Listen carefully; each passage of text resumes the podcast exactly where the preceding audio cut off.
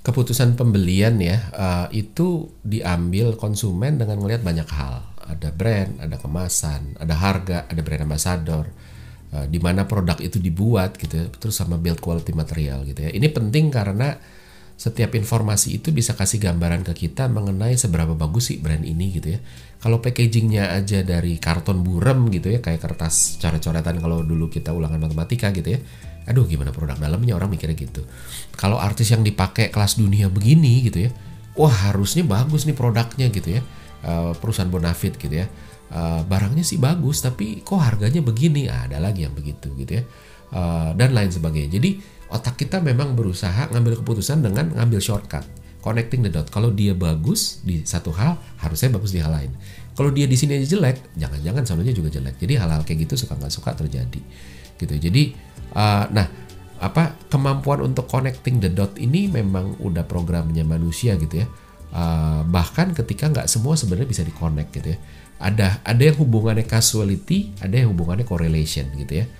Uh, apa ya contoh misalnya saya langsung pakai saya selalu suka pakai contoh ini. Jadi misalnya saya punya tetangga kakek kakek setiap jam 5 pagi dia bangun pagi keluar rumah terus habis itu nongkrong di pagar gitu ya uh, terus dia nyalain rokok terus dia ngerokok dan matahari terbit gitu ya. Tapi bisa nggak dibilang bahwa oh matahari terbit karena kakek-kakek udah keluar dan nyalain rokok? Nggak bisa. Itu terjadi berbarengan tapi nggak casuality gitu ya. Uh, jadi walaupun make sense tapi itu tadi gitu ya. Uh, belum tentu bisa di connect dan sama shortcut manusia yang ngomong bahwa oh kalau packagingnya bagus produknya harus bagus gitu ya. Tapi ya walaupun make sense tapi kemampuan bikin packaging nggak selalu uh, apa ya nggak selalu bisa jadi justifikasi kemampuan bikin produk gitu loh. Jadi itu dua hal yang uh, yang yang nggak selalu sama gitu. Nah saya punya empat contoh menarik nih untuk kita bahas hari ini. Uh, yang pertama kalau orang bilang bahwa oh, build quality material material yang dipakai itu menggambarkan bagus apa enggaknya satu produk kan gitu ya kita beli HP oh ini plastiknya plastik murahan nih HP-nya jelek gitu ya kita bilang gitu atau ya apa pun itu gitu nah contoh ya ini hal terjadi sama kayak, kayak Toyota Innova. Saya punya Innova, saya peng, uh, pengguna salah satu pengguna Innova gitu ya, mobil perang banget nih ya. Innova itu harganya 400 jutaan gitu ya. Uh, ini nggak usah ngomongin yang Zenix, yang Reborn. Saya punya yang Reborn. Terus habis itu, tapi menariknya adalah dashboard untuk mobil 400 jutaan. Dashboardnya itu sama interiornya itu itu dari plastik yang mohon maaf ya, tapi plastiknya itu agak kerasa murahan gitu loh. Kalau brand lain, saya juga punya Honda gitu ya, CRV itu udah soft touch, udah udah oke okay gitu. Ini enggak gitu ya. Padahal harganya mirip-mirip gitu ya. Uh, jangan banding CRV sekarang. CRV waktu saya beli itu juga masih 400 jutaan gitu ya, 2019 gitu. Nah, tapi Innova ini dekat tempat kunci itu kan ada cover plastiknya. Nah, plastik kan kalau kita masukin kunci nggak selalu pas ya. Kadang-kadang leset terus itu kebaret-baret putih kayak kalau anak mohon maaf ya anak kampung kulitnya kering digaruk busik gitu ya kurang lebih kayak begitu gitu padahal udah 400 jutaan tapi ya orang masih mau beli gitu. Jadi bahwa build quality katanya build quality itu menggambarkan apa namanya menggambarkan kuali, uh, kualitas si ini ya build quality materialnya menggambarkan persepsi terhadap brandnya. Tapi enggak ini. Uh, build quality materialnya nggak bagus tapi brandnya tetap aja kuat-kuat aja. Begitu juga sama IKEA gitu ya. IKEA tuh pakai MDF pakai particle board which itu bukan material yang yang ideal gitu loh. Karena kena air lama-lama hancur. Dipakai buat tatakan cutter rusak gitu ya uh, kalau nggak kayu setidaknya multiplek kayak gitu ya.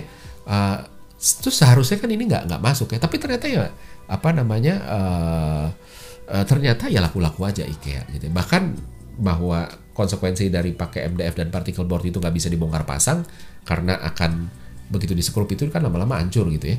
Itu nggak ada masalah gitu dan orang masih beli. Nah terus habis itu contoh kedua adalah uh, negara tempat di mana produk ini dibuat ini kan suka nggak suka juga menciptakan persepsi tentang kualitas produknya gitu ya. Dan sayangnya mohon maaf, uh, RRC itu China itu jadi salah satu negara yang persepsinya nggak begitu baik, terutama untuk barang-barang teknis gitu ya.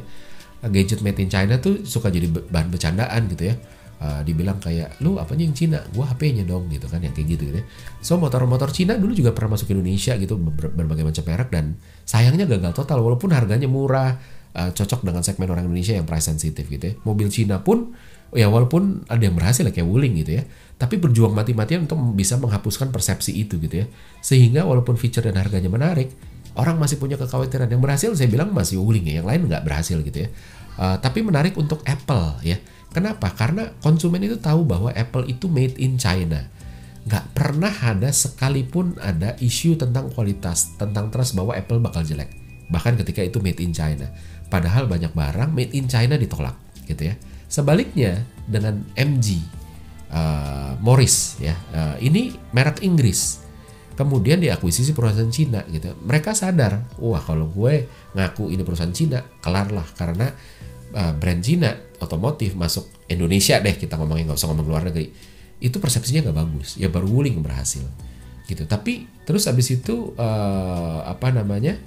Makanya mereka menggombar-gomborkan, oh ini brand Inggris gitu. Walaupun ini udah diberi sama perusahaan Cina gitu ya. Tempat lahirnya doang di Inggris gitu. Tapi tetap aja dia udah udah ganti lah ya, ganti kewarganegaraan dalam tanda kutip gitu uh, marketing materialnya makanya pakai bendera Inggris gitu dan it still mereka tetap struggle masih struggle nggak nggak kayak Apple yang yang udah di level tertentu. Nah mekanisme ini tuh sebenarnya mekanisme stereotyping gitu. Jadi terjadi ketika sesuatu muncul secara konsisten gitu ya, bahwa konsisten bahwa particle board dan MDF itu uh, secara konsisten muncul dipakai sama furniture uh, entry level atau yang masih murah gitu ya. Durability-nya pun secara konsisten terbukti ini bermasalah gitu plastik murah yang dipakai Innova juga secara konsisten itu dipakai brand-brand yang yang murahan gitu ya produk-produk teknologi yang dibuat di Cina konsisten juga kualitasnya tuh mediocre di masa lalu ya. Sekarang udah jauh membaik gitu ya. Uh, ketika itu konsisten maka otak mulai predik gitu ya.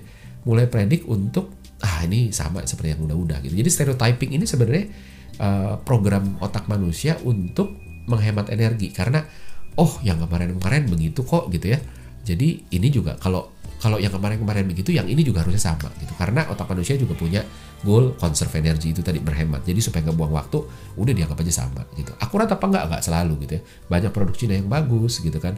Uh, apa namanya MDF sama particle board juga banyak yang tahan lama dan sebagainya gitu ya. Uh, tapi buat otak penghematan energinya tuh nggak gede gitu ya. Uh, apa ketika ketika kita apa namanya lihat satu-satu, akhirnya jadi jadi jadi boros energi dan kita memilih untuk udah stereotype aja. Nah suka nggak suka stereotype ini jadi challenge yang paling sering menantang bagi konsumen. Kenapa? Karena kayak contoh gini ya, Pizza Hut itu ada di Italia nggak ada, Domino Pizza juga nggak ada, gitu. Gimana dengan Starbucks di Australia? Ada nggak ada sih, tapi hebat nggak nggak, gitu. Karena balik lagi yakin orang mau jualan pizza di negara uh, jagonya pizza, dewanya pizza bukan cuma jago gitu. Ya. Yakin orang mau orang asing mau jual, which dari Amerika, Starbucks mau jualan kopi di negara yang kopi culture-nya tuh kuat banget. Australia itu salah satu negara yang kopi culture-nya kuat, kopinya enak-enak gitu ya. Terus stereotip bahwa orang Amerika tuh nggak lebih ngerti tentang pizza dibanding orang Italia itu yang akhirnya jadi barrier gitu kan. Jadi ini ini juga kan stereotyping gitu ya. Uh, apa namanya? Dan itulah yang bikin MG itu berjuang sekuat tenaga karena stereotip RRC sebagai negara yang bukan kiblatnya mobil itu bahaya buat mereka kalau diangkat gitu ya. Uh, mendingan dia ngangkat uh, Inggris yang udah punya reputasi. Ada Jaguar, ada Land Rover, ada Rolls Royce, ada Bentley, which semuanya sekarang udah bukan punya Inggris lagi, udah dibeli macam-macam gitu ya. Tuh, tapi brand uh, brand-brand Inggris yang yang ini tuh luar biasa punya sejarah dan punya reputasi yang bagus gitu. Nah, jadi opsinya logik banget buat si MG untuk ngeklaim ini brand Inggris gitu. Sayangnya nggak semudah itu gitu ya. Dan konsumen keburu tahu, dan persepsi keburu terbentuk gitu ya dan susah untuk bisa nutup mata. Nah, Apple juga sama memanfaatkan stereotype sebenarnya tapi dengan cara yang berbeda. Dia memanfaatkan stereotype, dia tahu ini made in China dan China itu punya apa ya punya persepsi buruk tentang produksi barang teknis.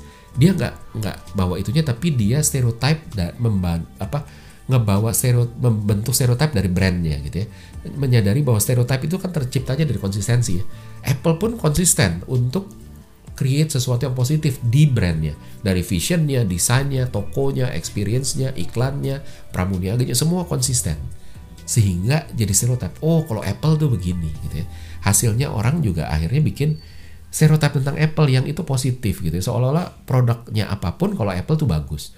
Uh, regardless mereka mau dibuat di mana, mau di Cina, kayak mau di Vietnam, kayak mau di mana, kayak gitu ya, mau di Zimbabwe mungkin nanti suatu saat gitu ya, harusnya akan bagus-bagus aja gitu. Jadi itu tadi nah contoh di, ke, ke di apa kehidupan sehari-hari juga sama gitu ini saya nggak bermaksud rasis saya buat contoh aja uh, saya punya banyak teman etnis Batak gitu ya orang Batak tuh kan suaranya keras belak-belakan gitu ya nah terus habis itu suatu saat kita punya ada satu situasi di mana kita butuh orang yang lemah lembut untuk deketin satu orang gitu ya. Uh, nah terus ya sayangnya ini semua Batak. Nah tapi ada satu Batak ada satu teman saya gitu ya yang aduh ini gak kayak orang Batak. Dia lemah lembut banget orangnya sabar gitu. Dan dia konsisten begitu seumur hidupnya. Sehingga buat kita ketabrak tuh walaupun dia orang Batak dan ada stereotip Batak itu belak-belakan ngomongnya keras nggak cocok buat pekerjaan ini. Tapi dia juga sudah secara konsisten membangun brandnya dia sendiri untuk oh gue tuh lemah lembut sehingga dia bisa menentang stereotip si etnis Batak dia yang yang itu tadi gitu. Hal yang sama juga terjadi sama IKEA sama Toyota gitu. Uh, eh, MDF particle board itu nggak oke okay, tapi dia bisa secara konsisten nunjukin bahwa MDF sama particle board itu nggak masalah buat IKEA. Kita bisa bikin tetap bagus, tetap tahan lama dan sebagainya. Toyota juga sama gitu ya. Iya material plastik itu emang nggak bagus, tapi di Toyota kita bisa tetap bikin oke okay, gitu. Nah sehingga uh, apa namanya itu deh. Nah jadi pelajaran yang bisa diambil sama brand itu apa? Pertama brand sangat powerful hingga bisa ngalahin segala macam persepsi negatif uh, yang udah uh, dari stereotip yang udah ada gitu ya. Walaupun untuk nyampe ke sana butuh waktu gitu ya. Nah sebaliknya ketika brand gak cukup kuat, maka stereotip yang akan dominasi. Ya kayak MG tadi, brandnya belum cukup kuat setidaknya di Indonesia. Sehingga stereotip negatif tentang mobil buatan RRC itu yang lebih muncul. Akhirnya agak susah gitu. Padahal desainnya luar biasa. MG itu menurut saya dibanding Wuling bagusan MG secara desain desainnya Eropa banget gitu ya uh, SUV-nya MG itu buat saya kayak Mercy-nya GLC itu mirip banget gitu jadi kelasnya emang itu terus Hyundai sama Kia juga sama gitu ya masuk ke Indonesia dari 90-an mungkin ya atau bahkan lebih awal ya tapi nggak pernah bisa ngedeketin mobil-mobil merek-merek Jepang gitu ya 2010 balik lagi gitu kan dengan desainnya wah Eropa banget Kia ada Sportage keren banget Sonet dan sekarang ada EV6 itu bagus banget gitu ya. Hyundai ada Palisade, ada Santa Fe gitu kan, ada apalagi uh, kereta Stargazer, terus sekarang Ioniq gitu ya, bagus gitu ya. Brand ambasadornya pun kelas dunia si Hyundai pakai BTS gitu ya, feature-nya juga menarik banget gitu ya. Uh, tapi tetap aja belum bisa ngedeketin merek-merek Jepang gitu ya. 20 mobil paling laris di dunia uh, di 2022 gitu ya isinya masih uh, sorry di Indonesia itu isinya masih Toyota, Honda, Mitsubishi, Suzuki, Daihatsu. Nah itu aja gitu ya. Uh, merek Korea belum ada gitu ya. Walaupun progresnya udah bagus, udah mulai ngedeketin tapi belum bisa masuk ke top 20 itu tadi. Nah terus pelajaran yang kedua adalah bahwa brand ketika udah jadi stereotype itu punya halo effect yang luar biasa. Gimana brand-brand besar bisa punya penjualan luar biasa dari produk biasa-biasa yang yang biasa-biasa aja maksudnya materialnya tadi dan lain sebagainya. Itu nunjukin sebab se, sebegitu powerfulnya brand. Dan makanya kita harus bangun itu tadi. Lihat aja Apple gitu ya. Hampir produk yang dikeluarin itu laku keras ya. MacBook iMac iPhone iPod iWatch iMusic gitu ya. Uh, Apple TV gitu ya. Laku keras gitu ya. Yang kurang cuma mungkin HomePod sama iTech dua itu belum belum kelihatan ya jadi kalau dilihat statistik dunia bahwa seluruh dunia itu 70 sampai 80% produk tuh gagal di pasar Apple ini nggak nyampe 50% apalagi Toyota lebih gila lagi gitu. Hampir nggak ada produk Toyota yang gagal. Di Indonesia mungkin Sienta aja yang nggak begitu sukses ya tapi cuma satu dari segitu banyak range yang luar biasa. Jadi hampir 100% berhasil gitu ya. Dan bahkan ketika kita tahu dan itu berhasil apa pencapaian itu didapat bahkan ketika kita tahu Toyota tuh bukan mobil paling nyaman bukan paling aman bukan paling kencang juga dan nggak paling murah juga gitu loh jadi itu tadi nah poin ketiga adalah pelajaran ketiga adalah poin bahwa brand itu uh, adalah tentang trust dan trust itu nggak selalu tentang logik gitu ya. Kita percaya sama agama yang kita anut gitu. Ya. Walaupun banyak hal logis yang bisa kita urutin untuk menjustifikasi kenapa saya percaya agama ini gitu. Ya. Tapi banyak hal lain di, di agama yang kita nggak bisa logika kita nggak bisa nggak bisa ngejelasin dan maka dari itu ini disebutnya kepercayaan dan keyakinan bukan logika gitu ya. Nah trust kepada brand bahkan bisa bertentangan dengan fakta-fakta mengenai gimana brand ini punya banyak kelemahan gitu ya. Apple made in China, IKEA dengan particle board dan MDF, Toyota pakai plastik yang agak murahan gitu ya. Jadi itu tadi itu ketika udah trust ya udah yang lain gue nurut deh gitu ya. Terus yang terakhir bahwa brand sebagai stereotype perlu waktu untuk dibangun. Ini penting juga untuk tahu. Konsep stereotype itu sendiri itu kan sebenarnya shortcut untuk menghemat waktu dengan mempertimbangkan konsistensi yang udah ada gitu ya. Semakin lama dan semakin konsisten semakin kuat dia terbentuk stereotipnya uh, apa uh, lama tapi kalau nggak konsisten maka stereotipnya nggak terbentuk gitu ya. Contoh ngomongin Toyota sama MG gitu ya. Toyota itu didirikan tahun 37 MG itu 24 jadi kalau ngomongin lama udah lebih lama MG di market. Tapi lihat Toyota itu brand otomotif nomor satu sedunia gitu ya. Bahkan ngalahin Mercedes BMW Tesla dan lain sebagainya. Gitu. tapi konsistensinya tes uh, Toyota ini yang bikin bahkan ketika dia lebih muda dia bisa mencapai uh, satu titik dengan waktu yang lebih cepat. Dan untuk bisa konsisten maka brand vision dan missionnya itu harus clear banget gitu ini sesuatu yang banyak tapi uh, banyak yang punya ya. Tapi nggak tahu gimana pakainya gitu kan. Uh, orang bikin oh brand vision kita ini brand mission ini tapi seolah-olah cuma syarat untuk ditaruh di company profile. Padahal ngebangun brand itu harus selalu berakar dari situ sehingga segala sesuatunya konsisten. Nah so kesimpulan hari ini adalah the power of brand bikin kita bisa menabrak stereotype. Bahkan kita bisa menciptakan brand itu juga tentang ngebangun stereotype bahwa oh kalau brand ini tuh akan konsisten begini gitu loh. Jadi itu penting banget ketika kita bisa ngebangun brand, maka segala macam stereotype yang muncul itu akan ketabrak. Tapi kalau brand yang nggak dibangun, maka stereotype yang ada di masyarakat yang akhirnya akan ngedrive. Dan kalau stereotype-nya itu stereotype yang menawan kita, maka kita pun akan kerepotan.